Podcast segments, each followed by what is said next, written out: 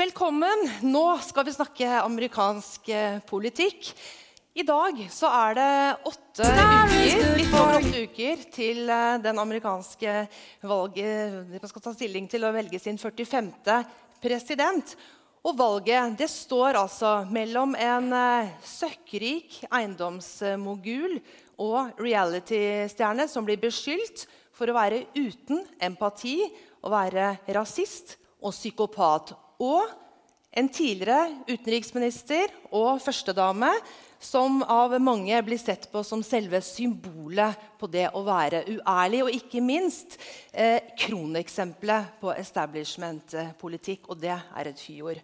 Hillary Clinton hun er eh, mislikt og hatet med e-postskandalen hengende over seg som en mørk sky. Og ikke bare det. Hun sliter enormt med populariteten hos demokratiske kjernevelgere. Og da hjelper det kanskje ikke om hun er superkvalifisert på papiret. Hvem hadde vel trodd at for ett år siden så skulle vår egen utenriksminister Børge Brende gå ut og advare mot Donald Trump? For ett år siden så var det 17 republikanske kandidater på republikansk side. Og Trump han bare lo ekspertene av. I dag så er det ikke så veldig mange som ler lenger. Og hvem hadde vel trodd at et samlet eh, redaktørkorps i Washington Post 22.07. skulle gå ut og advare om at Donald Trump er en fare for demokratiet? Det har vel aldri før skjedd. Spørsmålene de er eh, mange. I dag skal vi eh, forsøke å få svar på noen av dem. Hvorfor fenger Donald Trump så mange, og hva handler egentlig det intense hatet til Hillary om? Og hvorfor er disse middelaldrende mennene så sinte? Jeg er overbevist om at uh, vårt panel vil gi oss uh, gode svar. 9.11. våkner vi uansett opp enten til den første kvinnelige presidenten i USAs historie eller til en milliardær uten politisk erfaring i det hele tatt. La meg presentere de tre deltakerne. Hilmar eh, Mjelde, vær så god. Han er forsker ved Uni Research Rokkan-senteret og kommenterer amerikansk politikk for TV 2 bl.a. Og så Trygve Svensson, stipendiat ved Institutt for informasjons- og medievitenskap med retorikk som spesialfelt. Vær så god. Og Kristina Pleten, journalist i Aftenposten, har bodd elleve år i USA og dekket en rekke presidentvalg. Vær så god. Hver av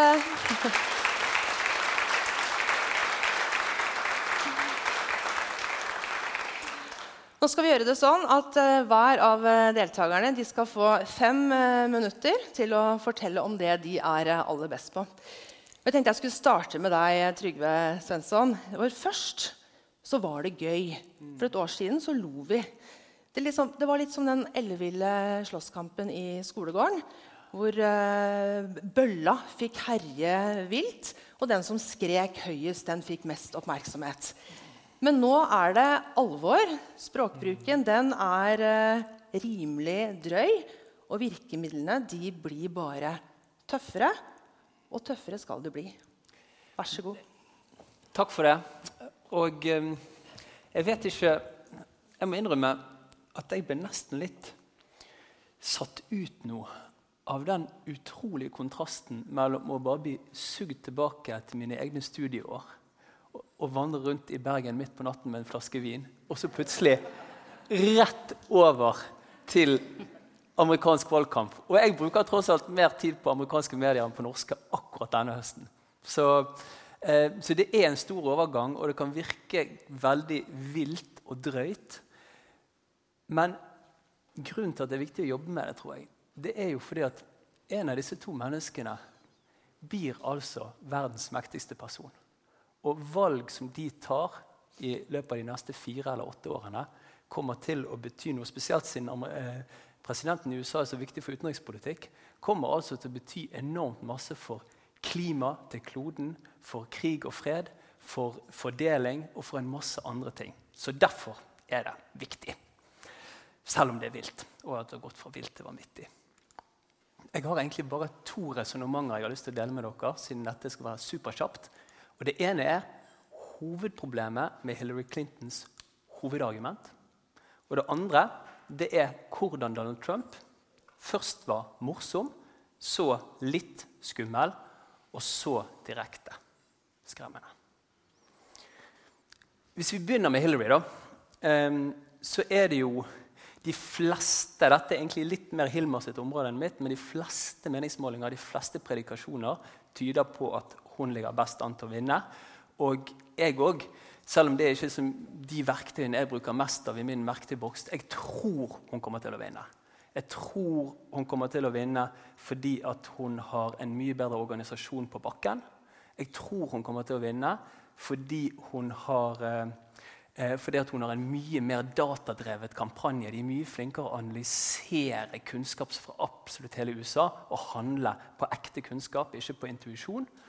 Eh, og Dessuten så tror jeg fremdeles at dette gamle begrepet som Bill Clinton eh, lanserte, 'the vital center', i USA, altså det vitale sentrum. Jeg tror fremdeles det er viktig å vinne det, og jeg tror ikke en så outrert kandidat som Trump har sjanse til å vinne. Uh, og du merker på en måte at det er noe på gang når uh, aviser i Texas, sånn som Houston Chronicle, som altså har endorset republikanerne ved hvert eneste valg siden andre verdenskrig, nå sier nei, vi må stemme på Hillary. Det er et eller annet. Det er såpass mange i etablissementet. Og Derav kommer jo litt av hovedargumentet til Hillary, som jeg bare har lyst til å se litt kritisk på. Hun, en av de tingene hun sier nesten hver gang hun er på scenen, det er at Donald Trump han er ikke kvalifisert til å være president. Det er en av hovedangrepspunktene. Og Det samme eh, er brakt fram som en av de største argumentene for at Hillary skal bli president. Det er ingen som har vært så kvalifisert som Hillary noensinne. Det var det Obama sa når han endorset henne, og det er det mange har brakt opp siden. Eh, og du skulle jo egentlig tenke at ja, det gir god mening. Å være kvalifisert er viktig til en vanskelig jobb. Hvis du f.eks. skal, eh, ja, hvis du skal ta hjernekirurgi, eksempel, så vil du gjerne ha en som er kvalifisert, som kan det. En som sier ja, det, vi kan gjøre det på denne måten eller denne måten. Du vil kanskje ikke ha en hjernekirurg som sier ehm, alle de andre hjernekirurgene de er elendige. Jeg er den beste. Jeg kommer til å vinne denne hjernekirurgien uten problemer. Det er ikke den innstillingen du vil ha eh, til noe som er vanskelig komplisert. Um, men så er det bare det at Obama da, han har jo vunnet et valg, et primærvalg mot Hillary. Var han mer kvalifisert enn Hillary da? Ja, han var, hadde vært to år nasjonalpolitiker i USA. Og når han igjen, etter å ha vært senator i to år, møtte John McCain, som hadde vært i Kongressen siden 1982, så var det jo åpenbart hvem som var best kvalifisert ut ifra den argumentasjonen. Og det samme hvis du ser på Al Gore og George Bush. Al Gore hadde vært visepresident i åtte år. Han hadde sittet i Kongressen siden 80-tallet. Eh, Bush hadde riktignok vært guvernør i Texas, men ut ifra samme logikken mye mindre kvalifisert. Og når Bill Clinton vant, så var det mot en som hadde vært president i fire år, visepresident i åtte år. Altså, Det er et eller annet med dette argumentet om at hvis du har så mye erfaring og kvalifikasjon, så, så bør du vinne, som ikke materialiserer seg i empiri. Eh, og hvorfor er det sånn? Altså, og det, Eksemplene er mange. Altså, JFK vant mot Nixon når Nixon var visepresident. Erna Solberg vant mot Jens Stoltenberg. Han hadde vært statsminister i åtte år. Sant? Det er fordi politikk i sin natur alltid handler om framtiden. Hva som kommer etterpå. Hva som er det neste. Og Det er derfor det at Hillary Clinton har vært på den nasjonale scenen siden 92 minst, altså vært en i over 24 år, det er kanskje like mye et problem som en styrke. Men hun sitter fast i det. Hun er nødt til å snakke om erfaring. Altså, hun, er, hun, blir 69 nå 26. oktober. Så det er klart hun må være snakke om erfaring. Men det er ikke nødvendigvis det sterkeste argumentet, selv om det blir brukt hele tiden. For politikk, den deliberative politikken handler om framtiden. Om det nye. Og hva er det nye? Er det dette som er det nye? Jeg vet ikke om dere husker det. Men det var altså sånn i, når primærvalgkampen var i gang, og det viste seg at Donald Trump var en seriøs kandidat, så dukket det opp masse ulike bilder av Trump som lignet på ting. Min personlige favoritt er kanskje Donald Trump, eh, som minner om en sushi. Eh, og det er vel og bra. Eh, og det gjorde noe morsomt med valgkampen. Eh, og jeg syntes òg det var artig å show osv. Eh, og så syns jeg det var litt skremmende, og nå går jeg litt ut av forskerrollen. Og det var rett og slett fordi at jeg syns det var et problem at han lagde så mye, mye show at de andre kandidatene framsto som betydelig mer moderate enn hva de egentlig var. Altså f.eks. Jeb Bush, som er langst ute til høyre her. Han var jo da ble liksom framstilt som den eneste normale mainstream-kandidaten som fantes. Og selvfølgelig I en amerikansk kontekst er han jo er han det. Men altså, husk i 2000 George Bush han ble også valgt på en veldig sånn myk plattform. Compassionate conservatism kalte han det. Og han snakket, snakket varmt om sentrumsverdier og familieverdier osv. Og, så og fasiten er jo et presidentskap som i hvert fall etter mitt syn var den største geopolitiske katastrofen vi har hatt.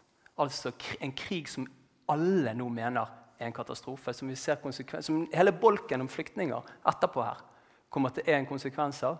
Og som Hillary også, selv om hun stemte foran, har innrømmet var et stort feilgrep. Så det syns jeg var litt skummelt. Eh, og så, etter hvert da Og så syns jeg det var litt interessant, fordi at republikanerne hadde jo Når de tapte i 2012, så sa republikanerne eh, folk ser på oss som en gjeng med kjedelige, hvite, gamle menn som ikke bryr seg om dem. Og Den rapporten som de laget etter Mitt Romney sitt valgkamp, er ekstremt interessant lesning. Den er nådeløs og velskrevet. Og det de sa var at Hvis de skulle kunne vinne valget igjen, så måtte de altså komme opp med kandidater som kunne favne bredere. Eh, og gjerne favne eh, unge folk som hadde et annet syn på integrering og videre enn det de hadde. Og så gikk de altså i en helt annen retning. Og så var Trump interessant også fordi han rørte i noen av de samme tingene som Bernie Sanders gjorde. Altså Han, han snakket om arbeidsplasser som hadde forsvunnet ut. Han snakket om tollgrenser. Han gjorde en del. Han skapte en sånn type liv i den politiske debatten. Men så vant han. Han ble altså republikanernes eh, nominerte kandidat. Eh, og da gikk det i hvert fall opp for meg, og det ble liksom tydeligere offentlighet, mener jeg, hva som var forhistorien, altså andre ting som Trump hadde gjort. F.eks. at en av de viktigste måtene han endret den politiske samtalen på eh, for noen år siden, det var ved å være eh, den mest kjente eh, den mest kjente fyren som snakket om at Obama var ikke født i USA. altså såkalte birther movement, Som er en ganske sånn ekstrem bevegelse.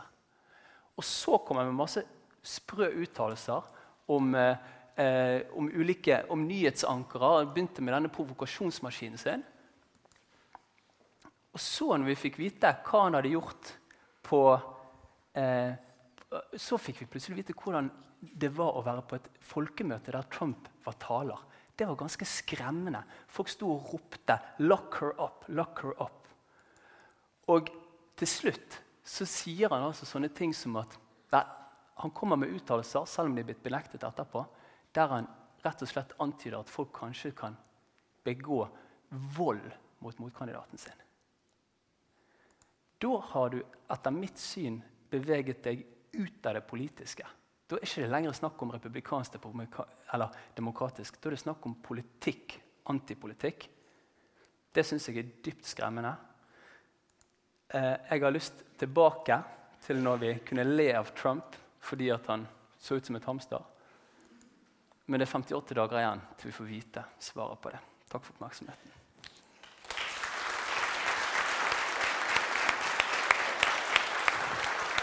Ja, takk skal du ha, Trygve Svensson. Men det er jo mange da, som stemmer på Trump, og som blir fenget av hans eh, retorikk. Uansett hvor ellevilt det er i våre øyne. Og Det bringer oss over til eh, neste tema, for vi vet Kristina Pletten at den mest trofaste velgergruppen mot Donald Trump det er altså eh, hvite, middelaldrende menn. Og her har det ligget et eh, sinne og en frustrasjon, og det i lang tid. Og hva er det man i årenes løp har oversett? Det skal du få lov til å svare på. Ja. Jeg jobber i papiravis. Jeg har papirmanus, ikke Powerpoint. Um, ja. Altså um, Det spørsmålet jeg har fått uh, oftest tror jeg, det siste året, det er hva er det egentlig som skjer med velgerne? Hva som skjer der borte i USA? Hvorfor skjer dette? Og etter hvert eh, som ja, kanskje for uh, et halvt år siden, uh, tre kvart år siden, så begynte jeg å tenke at er nå egentlig storyen eh, Donald Trump eh, som ligner på en sushi eller en hamster, og alt det dumme han sier, eller er det egentlig storyen her velgerne? Er ikke det det det handler om? Og For meg så tenker jeg at det burde vært det sentrale temaet i eh, denne valgkampen. Um, og det burde også vært den største oppgaven for oss i media. Det burde vært å forklare hvorfor folk stemmer som de gjør. Hva har fått 25 000 mennesker til å møte opp på valgmøter for Donald Trump og for Bernie Sanders? La oss ikke glemme han. Og Isteden har vi hatt enormt mye oppmerksomhet på kandidatene, særlig på Donald Trump. Eh, vi har analysert alt han har sagt. Vi har hatt en masse sånne ting om eh, håret hans, om Twitter-kontoen hans, om hvor dum han er, og hvor uviten han er, og hvor frekk han er. Og kanskje er det naturlig fordi at han er en uvanlig kandidat. Eh, han kan bli verdens mektigste mann. Men jeg vil gjerne stille dere spørsmålet Er det egentlig Donald Trump som har skapt engasjementet rundt sitt kandidatur? Altså, Er Donald Trump årsak eller virkning? Er han hønen eller er han egget?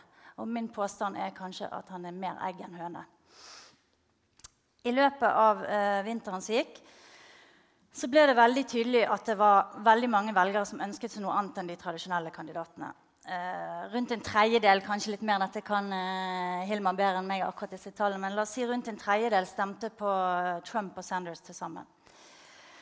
Um, hvorfor gjorde de det? Og Forklaringsmodellen som vi blir servert når uh, vi i media tar oss tid til å faktisk snakke med velgerne eller se på de, og ikke bare henge i skjørtene på, på Trump Skjørtene var feil, men uh, bukse i beina. Uh, så er forklaringsmodellene de er uh, veldig enkle og ofte veldig sånn sjablongaktige. Vi sier at det er, det er hvite, sinte menn. de er rasister. De ønsker seg tilbake til 70-tallet eller til 60-tallet eller til 50-tallet. Um, og så er det den enkleste forklaringen av alle som ofte kommer frem, som er de vet ikke hva de gjør. De er dumme. De stemmer på sin egen undergang.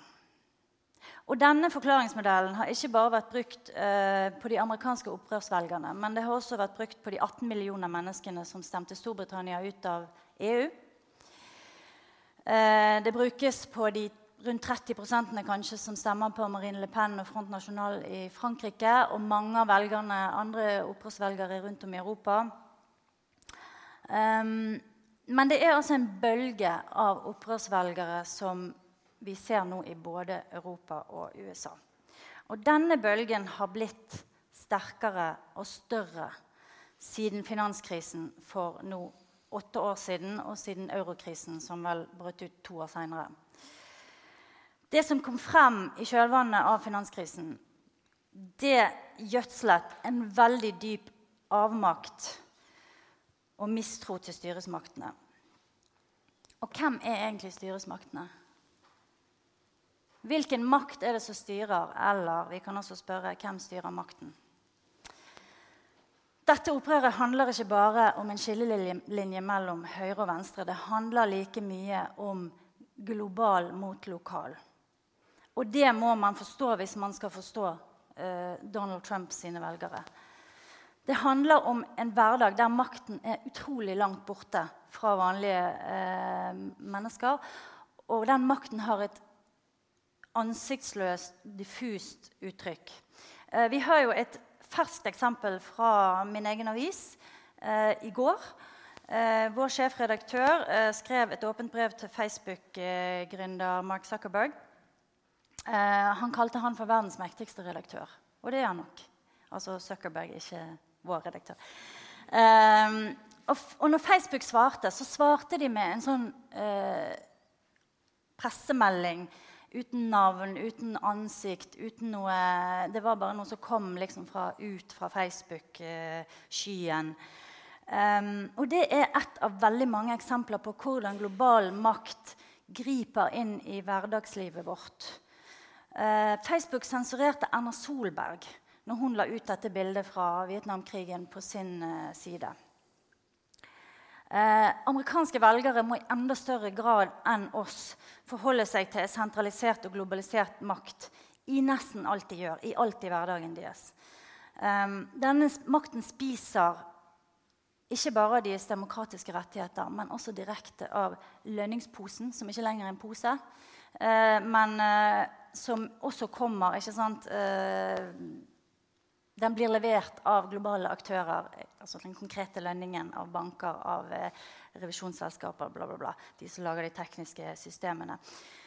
Hvor havner pengene til amerikanerne? Det er også et veldig sånn, viktig eh, poeng hvis du skal forstå hva som egentlig skjer med velgerne, som vi vi skriver lite om, og det er veldig lite oppmerksomhet. Men altså Mange mange små biter av vanlige amerikanernes inntekt går nå til store globale giganter som de aldri ser og ikke vet hvem som eier. Um, for to millioner amerikanere nå, eh, går lønnen til et vikarbyrå. De har ikke lenger fast arbeidsgiver. De er ansatt i en sånn kjempestor manpower eller en disse her, som igjen leier de ut. Så de har mindre lønn fordi at vikarbyrådet spiser av lønnen deres, og så har de mindre sikkerhet. Det er ett eksempel. Eh, det har kommet masse utgifter i hverdagen deres som de ikke hadde før. Fra kredittkortrenter, kabel-TV, mobilregning osv. Eh, strøm, forsikring, college, medisiner. Alle disse tingene har blitt mye, mye dyrere. Og alle disse globale maktstrukturene som ligger bak og spiser av pengene deres, de er ansiktsløse, uklare størrelser, akkurat som Facebook. Men globaliseringen har ett veldig konkret ansikt i nærmiljøet, og det er innvandreren. Han eller hun representerer det som kommer utenfra. Og det oppleves som en trussel mot et nærmiljø og et lokalt miljø, en lokal makt som allerede er i ferd med å forvitre. Og så har eh, USAs globale rolle også fått veldig annet tydelig uttrykk i eh, det amerikanske nærmiljøet eh, de siste årene. Unge menn og kvinner uten bein og armer, unge menn og kvinner som sitter i rullestol, unge menn og kvinner med store psykiske problemer, en ny generasjon krigsveteraner fra USAs eh, engasjement i Irak og Afghanistan.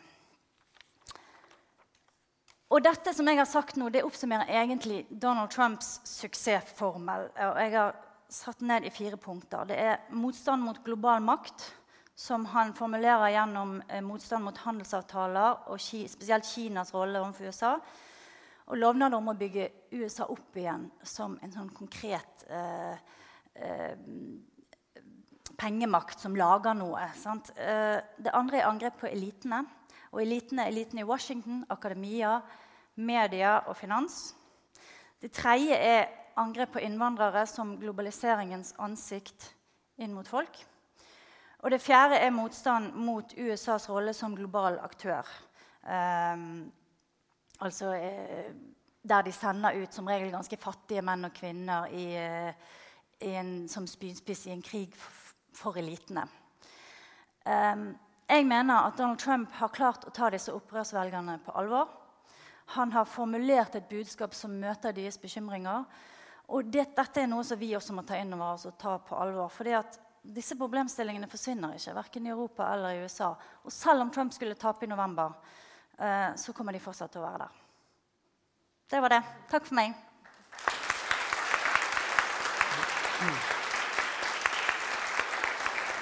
Ja, takk skal du ha, Kristina. Trygve Svensson han holder altså en knapp på, eh, på Hillary Clinton, eh, som vil vinne valget.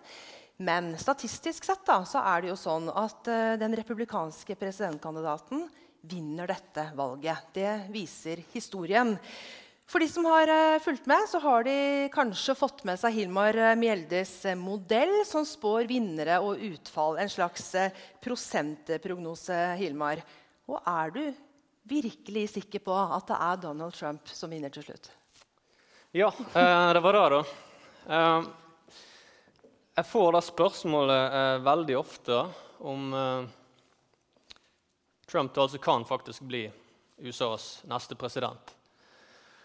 Og jeg og kollegaen min Gunnar Grenstad vi eh, mener egentlig at det har ikke noe å si hvem du nominerer i forhold til hvem som blir eh, valgvinneren. Da. Og Det skal jeg snakke litt om i dag. For når du skal spå vinneren av et amerikansk presidentvalg, så er det jo ganske intuitivt at du tenker at dette her har jo selvfølgelig alt å gjøre med hvem de nominerer. Eh, men meg og kollega Gunnar Grenstad vi er altså så freidige og, arrogante at vi eh, skrev en kronikk i 2013 eh, der vi skrev at republikanerne de vinner i 2016. Så Den sto på trykk i januar i 2013, lenge før vi visste selvfølgelig hvem de to store partiene ville nominere. Så i prinsippet Vi har en tilnærming til amerikansk presidentvalgkamp der vi sier at altså, et parti kan nominere eh, Donald Duck, eller Donald Trump, kunne vi kanskje sagt den gangen, og likevel vinne.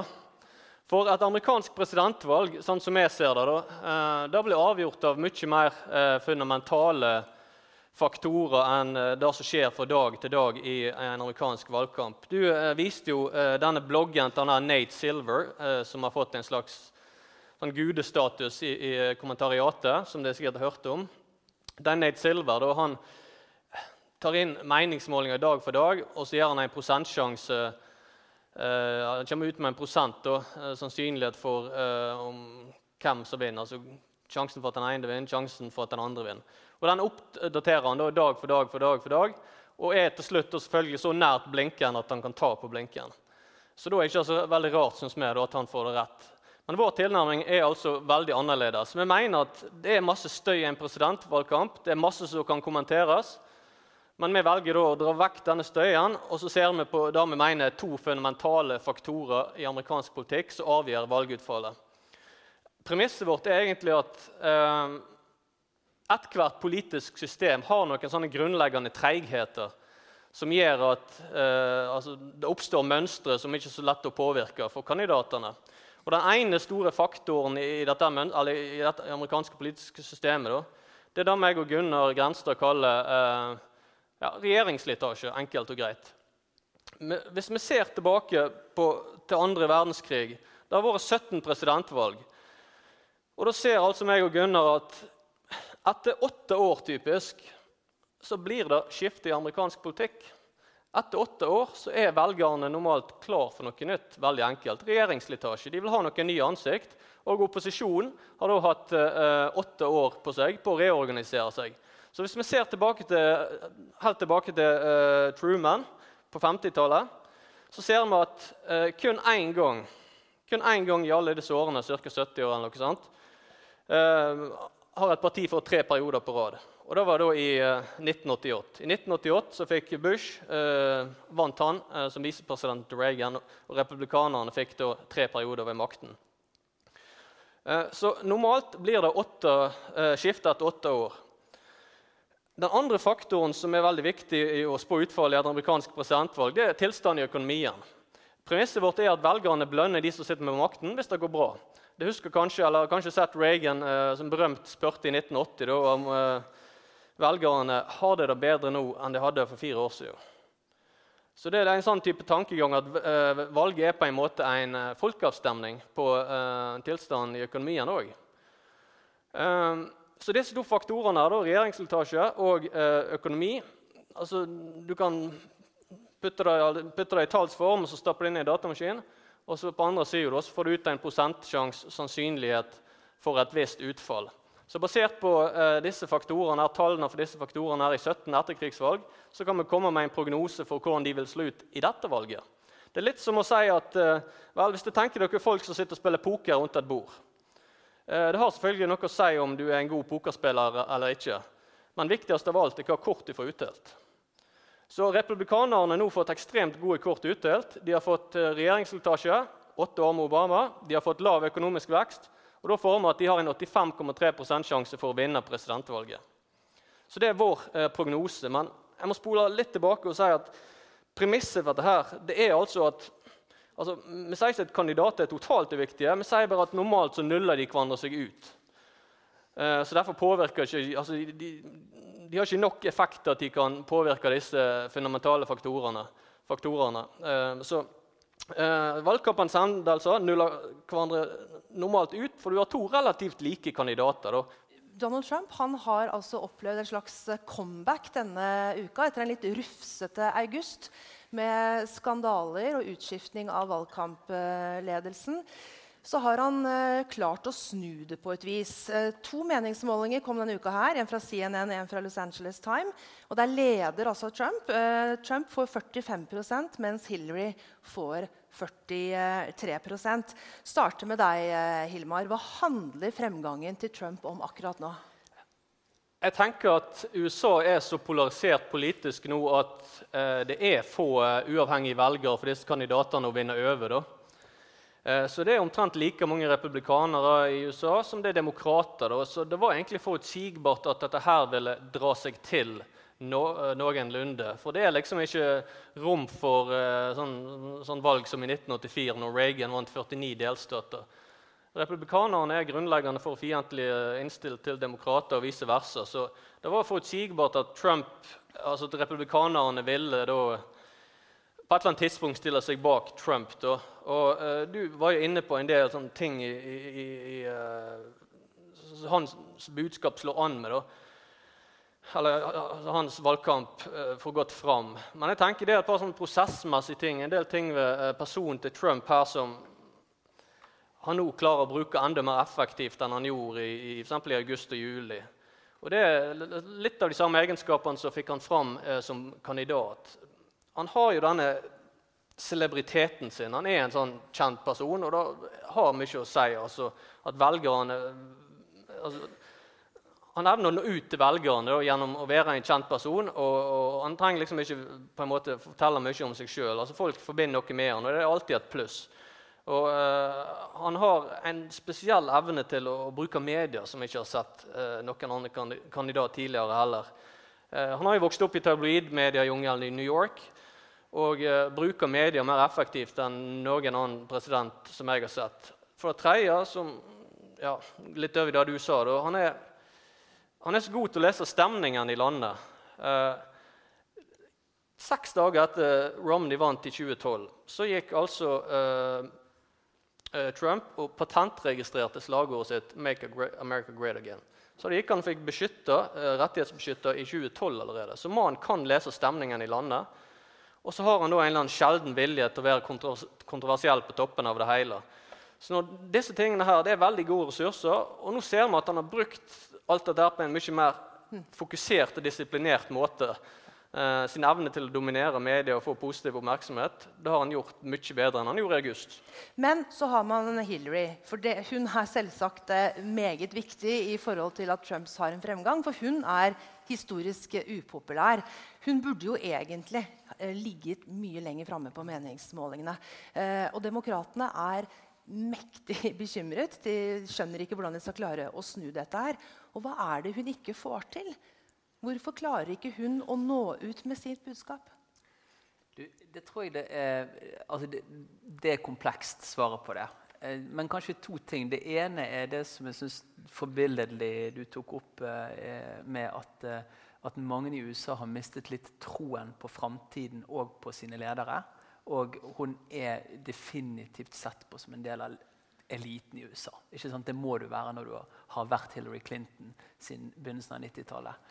Um, men samtidig og det, Dette synes jeg hun gjorde noe veldig interessant bare denne uken. Da ga hun et sånn eksklusivt intervju til en Facebook-side faktisk, eh, som heter Humans of New York. Som er en nydelig Facebook-side som bare handler om møter med personer på gaten i New York. Og Der hun fortalte om hvordan hun helt ifra første gang hun skulle ta en eksamen på 60-tallet, eh, ble forsøkt eh, presset til å gi seg. Altså, hun, snakket rett og slett om sin historie da, som kvinne eh, som ønsket en plass ved maktens bord i offentligheten. Og hvordan hun alltid er blitt motarbeidet, og hva det har gjort med hun som person. Mm. Så kan vi mene ja, er det sant eller ikke, og så videre. men det som er interessant er at hun er fullstendig, for at demokratene de vet dette. Sant? Altså, de, de, tester alt. De har fokusgrupper daglig. Altså, de, hele, hun er fullstendig klar over at folk ser henne som litt sånn avmålt, avlåst. Hun har ikke den evnen til å liksom overskride. tenkte vi skulle snakke ja. egentlig litt om vippestaten etterpå, men, men det, det, du sier er interessant, Trygve. fordi, ja, Jeg har en liten kommentar til det. for at, uh, Hillary, Det er veldig lenge siden hun har gitt uh, pressekonferanser. Hun er lite tilgjengelig for pressen. Og det at hun gir en, et intervju til Humans of New York som er vel eh, Det må være det mest kjernedemokratiske, urbane, eliteaktige du kan gjøre. Jeg vet ikke om det akkurat er en veldig god strategi. da.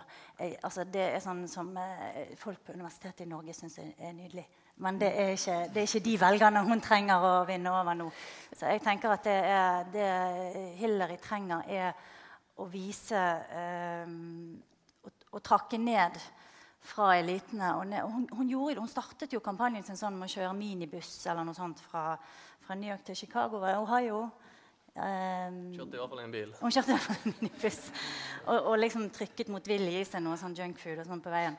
Uh, men, men hun, uh, hun, klarer ikke den der. Hun klarer ikke å, å overstige det gapet mellom seg sjøl mm. og, og velgerne da. Mm.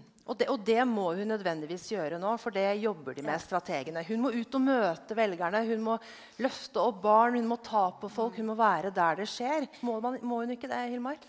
Jo, men uh, utfordringene uh, er mer grunn... Eller jeg tenker dem, Det ville vært veldig vanskelig uansett for en demokrat å vinne nå. Rett og slett pga. at du skal altså, selv om en, en, talentfull person som Joe Biden tror jeg ville slitt nå da, for Problemet til Hillary Clinton sånn som jeg ser det, er, det er mindre med hennes person å gjøre.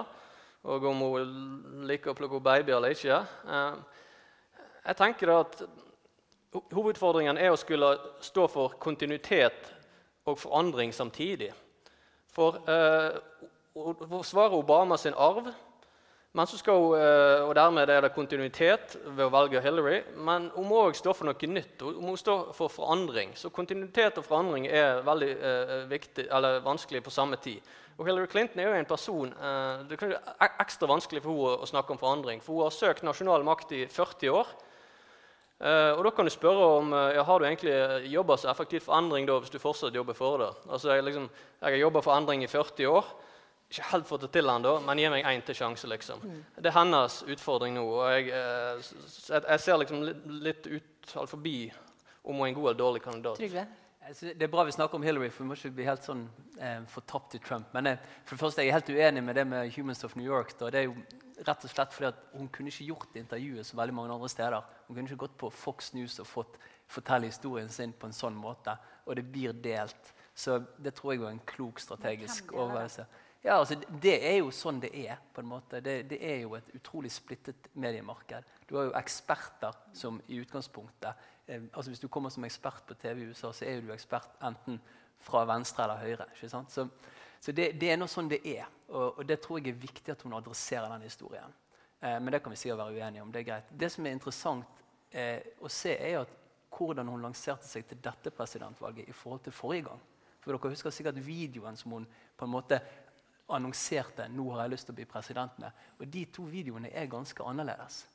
I, 20, 2008 så satt hun altså og, og, så virkelig ut som en sånn primeksempel på en småborgerlig dame i en sofa hjemme i et hus og, så, og ne snakket nesten som at det er helt åpenbart at jeg kommer til å bli president. og at det er helt riktig. Og det, bare, det lyste elite.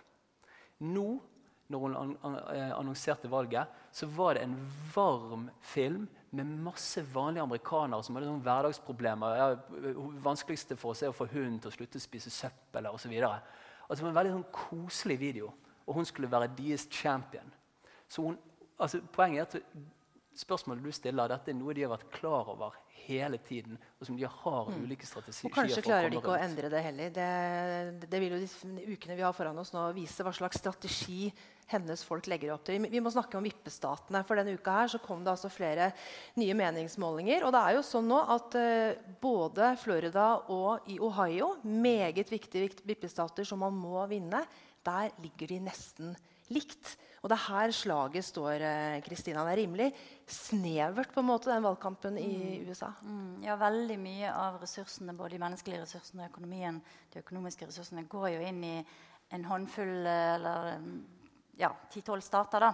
Eh, du har en gruppe stater i rustbeltet som er Ohio, Pennsylvania, der som de hadde storindustri før i tiden. Det er ikke så mye igjen av den. Så har du Florida. Um, og så har du en liten gruppe stater i, i uh, sørvest. Altså uh, Nevada bl.a. Og uh, kanskje Arizona er vel òg en mulig vippestat i år. det som er interessant med vippestatene, er jo også at det er liksom ikke hele staten som vipper. Du har også områder som vipper innad i en stat.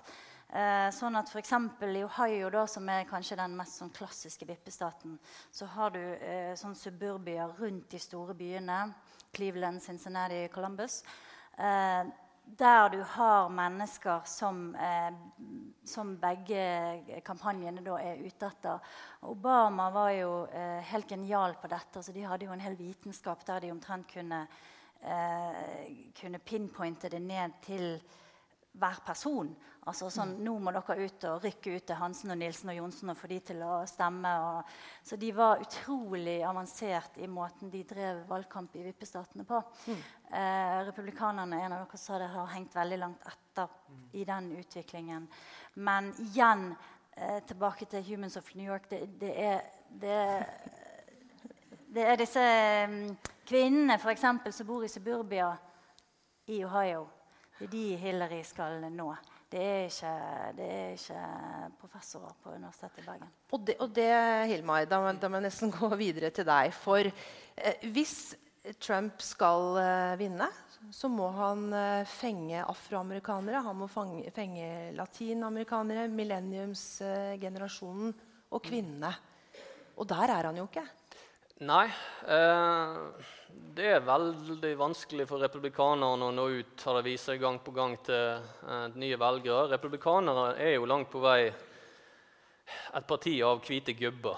Eh, menn sånn rundt 50. Så er liksom de republikanske velgerne. Demokratene er mye mer mangfoldig parti. Det er afroamerikanere, det er latinere, og det er eh, uh, unge velgere. Og typisk da, sånn, universitetsutdanna hvite intellektuelle. Det er de som eh, stemmer da, på hvert parti henholdsvis. Og eh, det er totalt sett altså, Det er flere demokrater i USA, men republikanerne er flinkere til å bruke stemmeretten.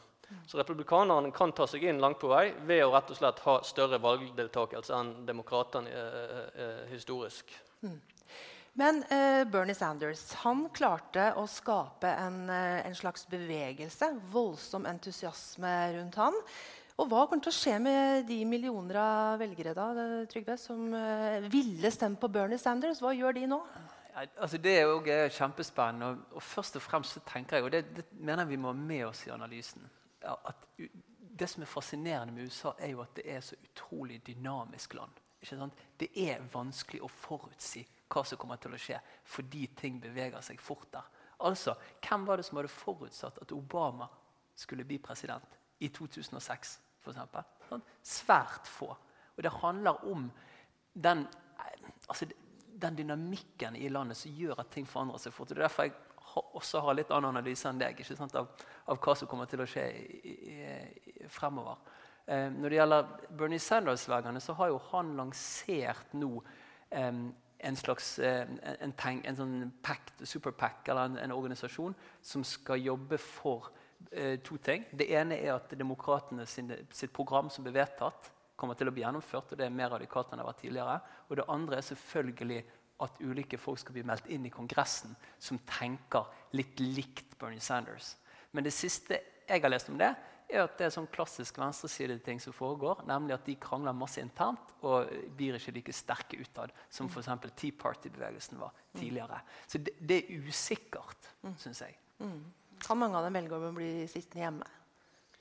Ja, altså De har jo lav valgdeltakelse i USA. Den er på, altså Hvis det er 60% valgdeltakelse i USA, så blir det ansett for å være veldig høyt.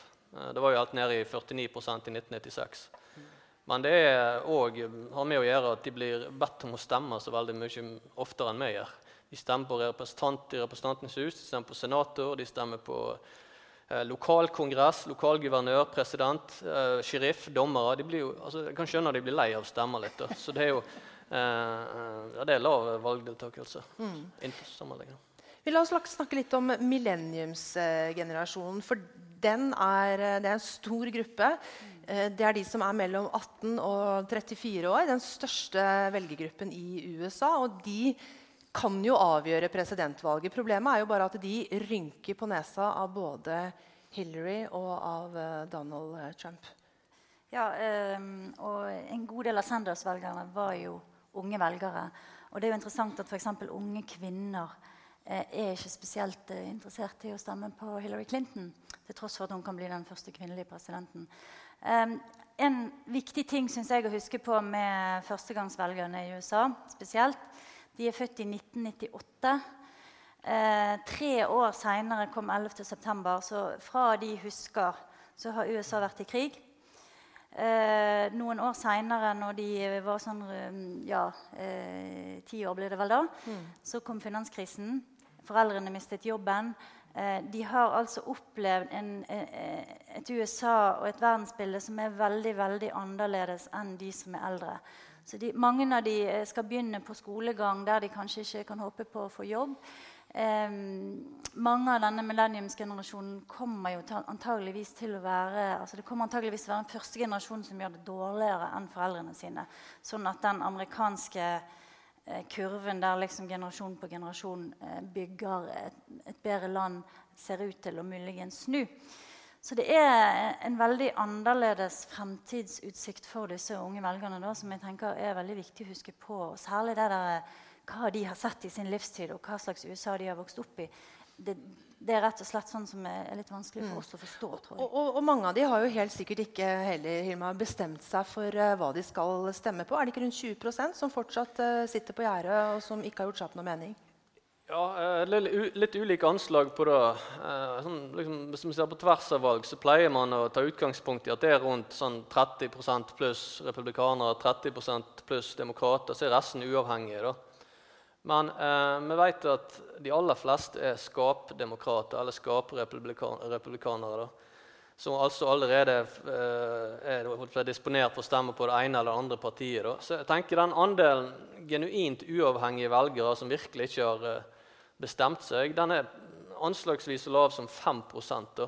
Men så er det noen prognoser som antyder at an, den andelen der er høyere i år. da. Og Det vi vet eh, liksom, om den type velgere, er at de typisk er lite interessert i politikk. De kan gjerne ikke så masse om politikk. Og de er derfor vanskeligere å nå. da. Men Donald Trump med sin eh, altså Han er the standup-komikk. Eh, de har møtene hans. Han er, har en rekkevidde som vi ikke har sett på lenge. da. Eh, han, han, snakker på en enkel og direkte måte, så jeg tror altså, han har en fordel der i forhold til å nå dem. Mm. Og jeg tenker jo at det Donald Trump sier, det, det, vi hører her hjemme, det vi i mediene plukker ut av det han sier, er ikke nødvendigvis det som folk der hører hvis de står og hører på han i en time eller en og en halv time. Vi plukker ut det mest ekstreme, det mest uh, offensive. ikke sant? Og så lager vi journalistikk på det. Men hans budskap om at uh, to make America great again, og, og, at de skal begynne å lage ting igjen, og at han kan uh, fikse det som er galt, er jo mye bredere enn det vi får servert, eller det dere får servert av oss. da, for å si det sånn. Så det, det er et viktig perspektiv og her med. Her handler det mye om eh, klikk. ikke sant? Disse klippene som vi så ja. her, de er gøye. Vi, vi mm. ler, vi syns det er morsomt. Mm. Og det vet redaktørene. Mm. De klikker. Mm. Eh, og, og, Trygve, jeg vet at du har sammenligna den type journalistikk vi er vitne til om dagen når det gjelder Donald Trump, med krigsjournalistikk. Mm. Hvordan da? Jo, og det, altså det, mange, det, det, det handler jo om en tenkemåte. blant journalister. Og så handler det òg om bare de teknologiske endringene. Altså, når eh, Bill Clinton var presidentkandidat, så fantes det 40% flere journalister i USA enn, de, enn det de gjør nå. De har kuttet 39 for å være nøyaktig i amerikanske redaksjoner siden da. Men allikevel, det fins dobbelt så mange saker allerede om Hillary enn det gjør om Bill. Altså Mengden informasjon eh, har fordoblet seg, men kvaliteten har jo selvfølgelig ikke fordoblet seg. Det er noe med hva type saker som blir produsert. Og, og, siden du spør om det med krigsjournalistikk, så er det rett og slett altså Krigsjournalistikken spør jo veldig ofte eh, hvor skjer volden? Hvem vinner? Altså, den, den stiller sjeldnere, For å være veldig generell, den stiller sjeldnere spørsmålet hvem er de som jobber for en fredelig løsning? Hvor er heltene blant de? Og, så videre. og det, det, er noe av det samme da, selvfølgelig i dekningen av eh, Trump, fordi at vi plukker ut de mest ekstreme tingene. Mm. Um, jeg, er, jeg, er, veldig enig med det at det er mange ting vi ikke ser. F.eks. at han adresserer folk som har mistet jobben. For han, han, virker kjempeløsningsorientert. Er du bekymret for meksikanere? Vel, jeg skal bygge en mur. Sant? Er du bekymret for at du har mistet jobben? Eh, vel, jeg skal sette opp tollmurer, sånn at folk blir straffet hvis de flytter selskaper ut av USA. Så det er klart, han, Og han har vært en selger i 50 år. Han har skrevet bøker om det. Sant? The Art of the Deal. Han kan selge. Eh, så det er, det, det er, en viktig, viktig del av det. Mm, ja, jeg tenkte bare skulle følge opp. Jeg pleier å bruke en sånn uh, sammenligning da, uh, for å prøve å forklare uh, hans suksess, da, Donald Trump.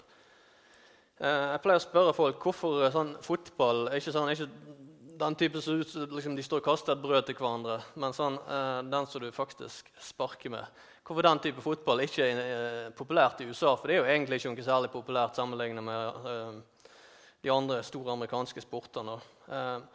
Og det er faktisk, mener jeg, pga. et sånn europeisk fotball der kan en kamp ende uavgjort. Det er ingen amerikanske sporter der en kamp kan ende uavgjort. For USA vil ha en vinner. Så det er en ekstremt fokus på vinnere i USA. Og hva ser folk når de ser Donald Trump? De ser en vinner. Kanskje er det eh, litt skapt, iscenesatt, men eh, han framstår som en vinner i forhold til den næringslivssuksessen han har hatt. Nå har du, eh, som du var inne på, eh, handlingskrise, eh, eller handlingslammelse i DC. Du har finanskrise. Yrkespolitikerne er totalt diskreditert. Så her kommer eh, da en person inn og sier at han skal ha samme suksess på vegne av USA som han har hatt for forretningsimperiumet sitt. Og det er jo eh, et veldig spennende budskap. Mm.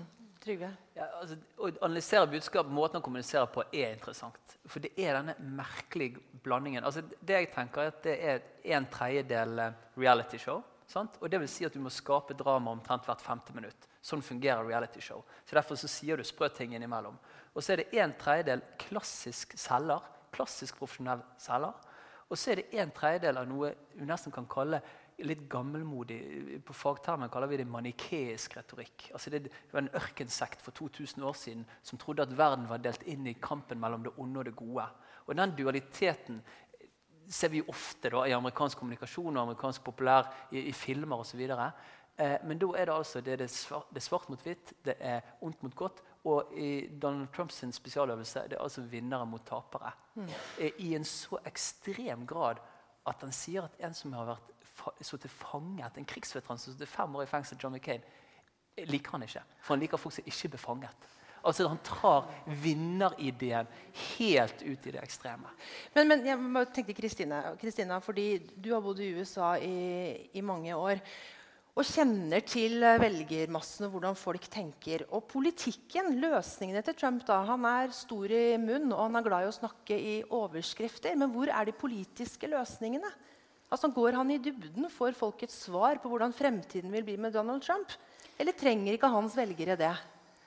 Altså, For det første, sånn, til det Trygve sier, så tror jeg at veldig mange amerikanere nå føler seg som tapere. Mm. Og Derfor så tror jeg der, den retorikken der er veldig, veldig eh, kraftig, da, eller kraftfull. Fordi at folk sitter igjen og føler seg som tapere. De føler at de, eh, de jobber og de strever, og de får ikke noe til.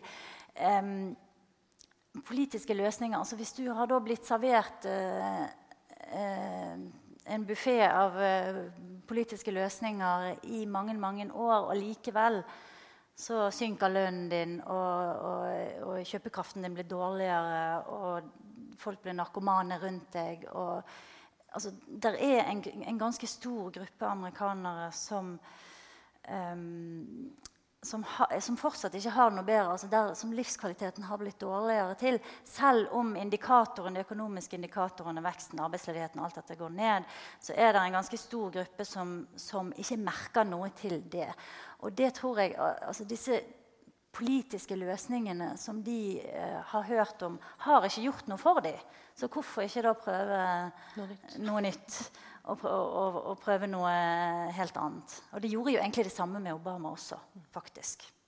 Hilmar? Mm. Ja, eh, Vi hadde her på universitetet eh, på torsdag en amerikansk eh, Han er faktisk rådgiver for Hillary Clinton. da, eh, Som holdt en tale for eh, våre studenter. Og Han sa jo òg dette på ny igjen. Altså, Donald Trump har jo ingen politikk, han har ingen substans. Men jeg tenker, eh, eller problemet er at folk er så Han utløser sånne sterke antipatier, så sterke eh, følelser mot seg, at folk er ikke mottagelige egentlig for ny, eller mange er ikke mottagelige for ny informasjon om, om Donald Trump. De hater han, eh, de orker ikke tenke på han, så han kan, derfor kan ikke han ha sagt noe med substans. Så selv om han sa noe substans, med substans, sa ikke han det likevel, for han er Donald Trump. Eh, så det eh, jeg merker, eh, jeg, Han har jo holdt tale på tale på tale på tale nå. og Du kan være imot det han sier, men han har i hvert fall presentert mye mer substans underveis. Men jeg tenker det er faktisk heller ikke så viktig akkurat hva han sier. For folk tror ikke på hva han sier, først og fremst. De tror på han som person. Han selger seg sjøl som den sterke lederen som nå skal uh, føre USA oppover grøfta. Men, men, så har han jo også byttet ut noen av valgkampstrategene sine. Han har blitt noe mindre bøllete og rufsete i kantene. Kommer vi Trygve, til å se en more presidential Donald Trump i ukene som kommer? Vil det bli tvunget fram? Eh, det er jo det er utrolig fascinerende. for Det, vært, det, det handler om, om den der um, selviscenesettelsen. Sånn det er jo lenge siden første gangen han sa sånn åh, jeg kommer til å være så presidentaktig. Dere kommer til å kjede dere fordi at jeg er så altfor presidentaktig. Altså han, han, han, viser fram teatraliteten ved politikken. Og paradoksalt nok, det er noe av det som fenger. da. Det er noe av det som har gjort han autentisk. At han, at, han, viser ja, dette er et spill, og jeg kan spille det på den måten eller jeg kan spille det på den måten. Og sånn er det. Sant? Reality show. Mm. Eh, så om, jeg, jeg tror eh, det, det, er utrolig vanskelig å forestille eh, Men jeg tror er det helt umulig at han kommer til å holde seg på matten. Det kommer til å komme et eller annet nytt sprøtt som vi kommer til å måtte lese og forholde oss til. Eh, og så tenker jeg at Det som er litt alvorlig med det, er at det gjør noe med samfunnet. Denne konstante på en måte sjokkeffekten. At noen alltid må si noe som er ekstra sprøtt, i noe som tross alt handler om et veivalg. da. Mm. Vi har fått inn et spørsmål fra, fra, salen som er interessant å ta med. fordi Det er noe han har altså snakket om igjen og igjen, som Donald Trump elsker å komme tilbake til. Nemlig muren mot Mexico som han skal bygge. Mener han det seriøst? Altså, er det noe som er mulig å sette ut i livet hvis han blir president? han, han, sier jo selv at han skal gjøre det. Og det har jo blitt bygd murer før både her og der.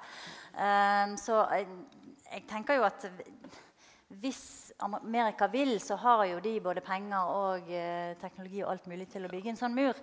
Um, jeg har uh, stått uh, nede på grensen til Mexico og sett meksikanerne hoppe over gjerdet. og det går sånn omtrent. Um, så det er klart at det er, det, det er et problem mm. um, som han har adressert. Og um, om det er riktig å bygge mur, det, det, kan man vel stille spørsmål ved. Men, men at, at, at, de må gjøre noe med den grensen, det tror jeg faktisk eh, er veldig mange som er enig med han i. Mm. Så, ja. Hilmar? De, eh, kongressen vedtok jo i 2006 å bygge en mur. Men eh, de vedtok ikke finansiering av den. Uh, og jeg tenker Dette med muren det er litt uh, symptomatisk for uh, tror jeg, hvordan han vil bli som president. For Du, du tegner et skremselsbilde her innledningsvis som liksom hele verden har nå gått til Defcon 2, som er liksom høyeste sånn, trusselnivå i, i, i, i verden.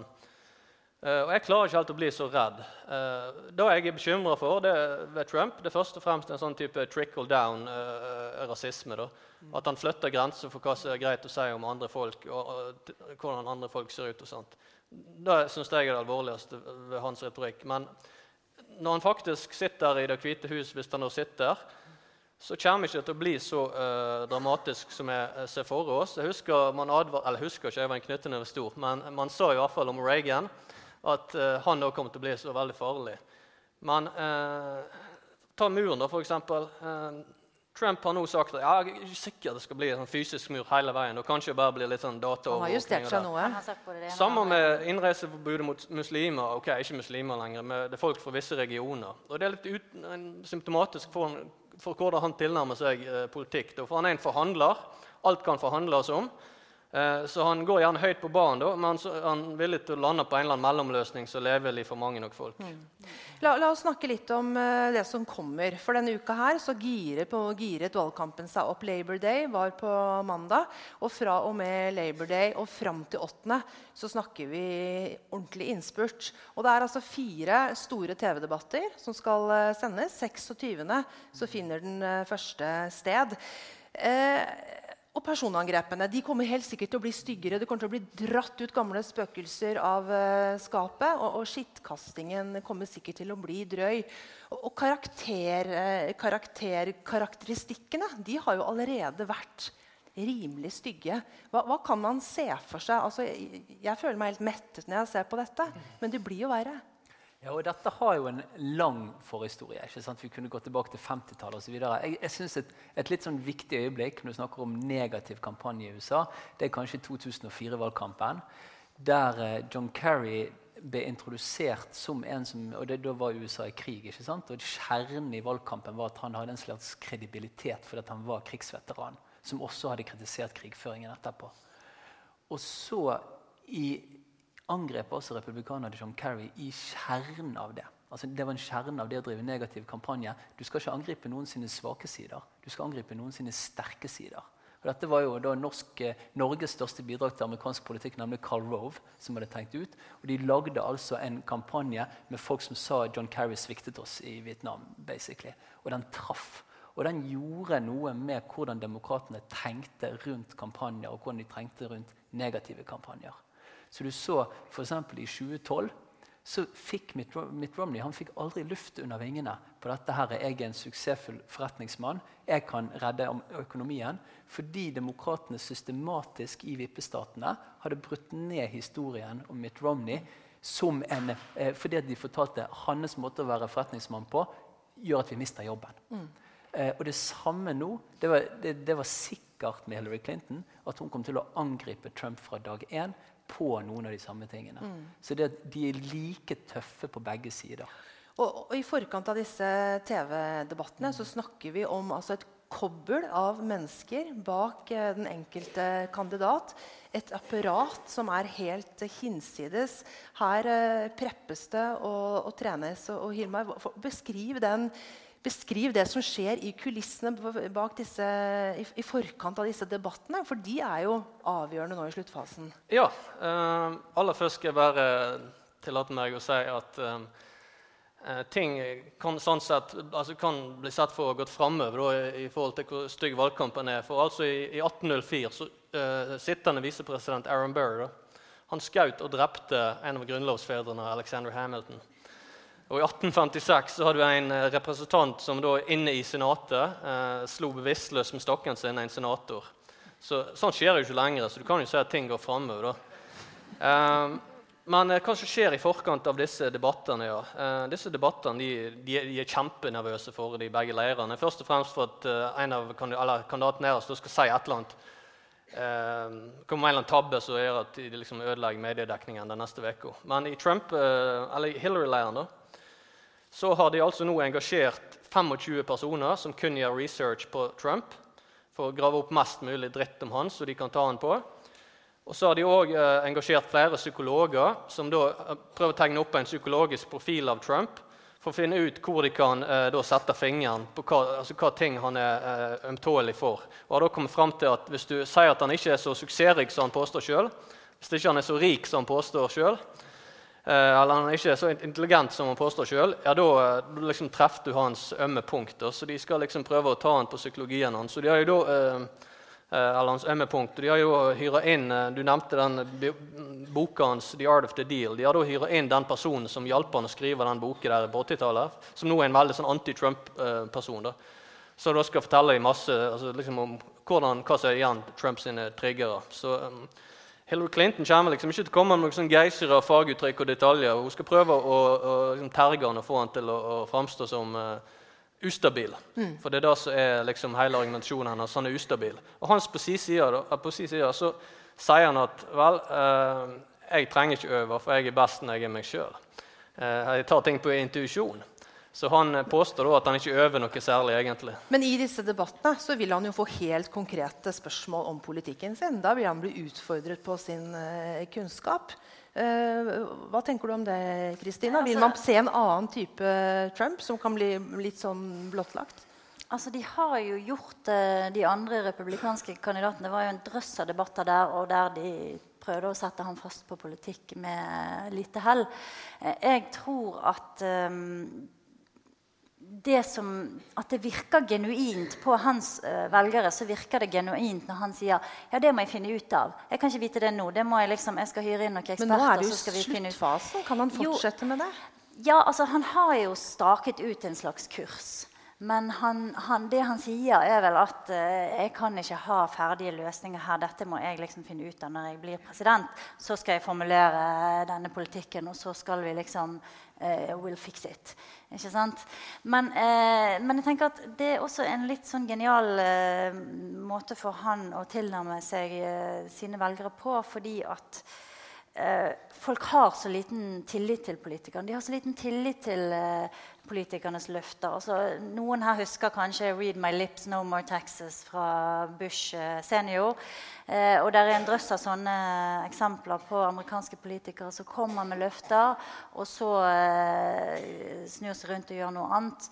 Og Hillary Clinton som eh, Hennes største svakhet er jo at hun er uærlig. ikke sant? At folk ikke opp oppfatter henne som at hun faktisk sier sannheten. Så det at Trump sier av og til at 'jeg vet ikke' eller 'dette må jeg finne ut av', jeg er ikke sikker på at det, at det er en negativ ting for ham. Mm.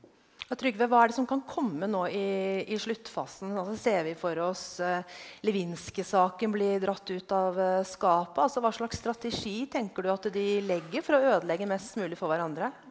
Ja, altså jeg tror det er for, Spesielt på demokratenes side så er de veldig tilhenger av kunnskapsinnhenting av alle mulige typer. Da. Der er de, altså de, de har eh, Obama, eksempel, bare i juni da, i 28 så hadde han jeg tror 800 mennesker som jobbet med utenrikspolitikk allerede da, før han var på en måte valgt. ikke sant?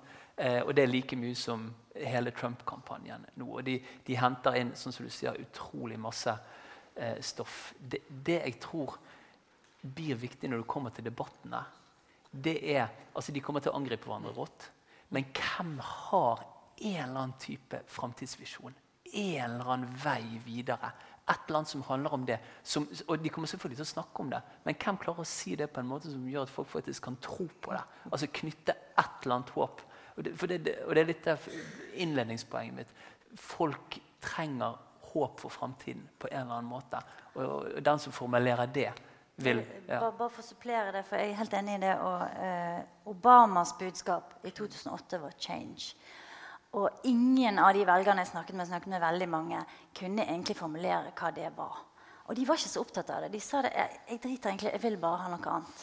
Jeg vil ikke ha dette her lenger. Og 'Make America Great Again' det er egentlig det samme. Altså det, han lover endring. Han lover noe nytt. Og så får han liksom eh, levere når han kommer i Det hvite hus. Så jeg synes Det var en veldig beskrivende episode for primærvalgsdebattene nå i vinter. Da Marco Rubio, den senatoren for Florida, som liksom var partiets eh, store stjerne da. Eh, Han veldig sånn, forberedt og kanonforberedt på utenriks og alt mulig. Kom da og skulle liksom ta Trump skikkelig i en av de her debattene her. Og Så begynner han da med å si at da har de funnet ut at Trump eh, for 30 år siden visstnok hadde ansatt ulovlige eh, immigranter på en av eh, byggeplassene sine. Så kommer Rubio inn, så sier han hele åpningsnummeret sier at Trump, du har ansatt ulovlige eh, folk. Uh, udokumenterte immigranter. Så sier Trump nei, nei, jeg er eneste som har ansatt folk. Og liksom, Da var debatten over der. Så han, han kommer til å si et eller annet Uh, altså han, han, vet at folk vil ha konflikt. Han snakker ikke til elitene. Han snakker ikke til etablissementet. Så uh, det er vel så mye om hva du ser, som hva som blir sagt. Mm.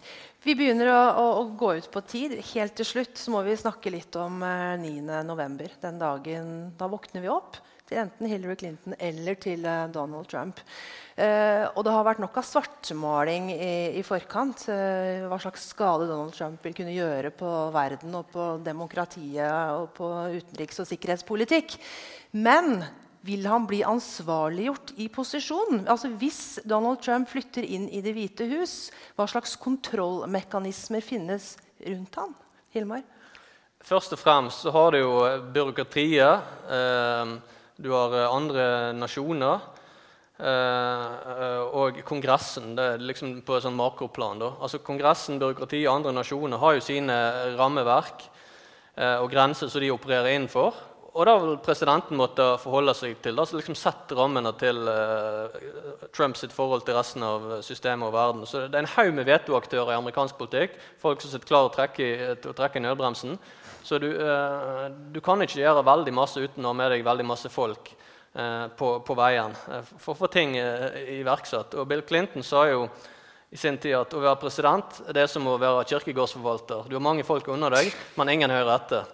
Så eh, jeg vet ikke hvor mye han egentlig får gjort. Og Trygve, da blir han jo også, til en viss da blir han jo ansvarliggjort, da, men retorikken hans og personligheten hans den er jo den samme. Det vil jo bli et, eh, ja, noe helt nytt, for å si det sånn. Ja, altså Det kan kanskje være, virke rart, men i utgangspunktet var jeg mer bekymret for Jeb Bush, som virker som en hyggelig fyr og som sier anstendige ting, enn jeg var for Donald Trump. Rett og slett på grunn av, eh, jeg, jeg, var bekymret for den politikken han kom til, realpolitikken han ville føre. Og jeg trodde kanskje han hadde en god sjanse til å vinne. Eh, men jeg har gått vekk fra den posisjonen. Og det er for, fordi jeg mener at Trump har krysset en grense som også tidligere republikanere har holdt seg innenfor. Og det, han, og, det, og det, handler rett og slett om at når vi, når vi, snakker i verden, når vi taler, så er det en form for handling. Og når, da, når lederne våre når folk som absolutt hele verden vet hvem er, gjør narr av funksjonshemmede, altså snakker øh, og kvinner og immigranter, og, og, til og med insinuerer vold Da mener jeg du har krysset en grense, og det er det som er det alvorlige. og Det er derfor jeg er mye mer bekymret enn Hilmar. da, eh, som, øh, fordi jeg mener han har krysset grensen. Skjønner du? Hvis han ikke hadde gjort det, så hadde det vært greit. Da tror jeg at noen av policypunktene hans er minst er, er mye mer hans fornuftig enn Ted Cruz sine. For eksempel. Men han har altså gjort noe som handler om hvordan vi snakker i verden. Um, og Derfor er jeg dypt bekymret. Og, og um, jeg uh, krysser fingrene for Hillary. Jeg er faktisk villig til å vedde en flaske med whisky på at Hillary kommer til å vinne. Så jeg vet ikke om du er med det, på det. Det oppgjøret tar dere på bakrommet. Trygve ja. Svensson, du altså mener altså at Hillary Clinton vinner. Du mener at uh, Donald Trump uh, kan vinne. Kristina, nå skal du få lov til å avslutte. Nei, som, som, journalist så skal jeg kanskje rett og slett plead the fifth, som det heter. Og bare la ekspertene gjøre sånne. Det er drøye åtte uker igjen, og enormt mye kan skje. Takk til dere tre.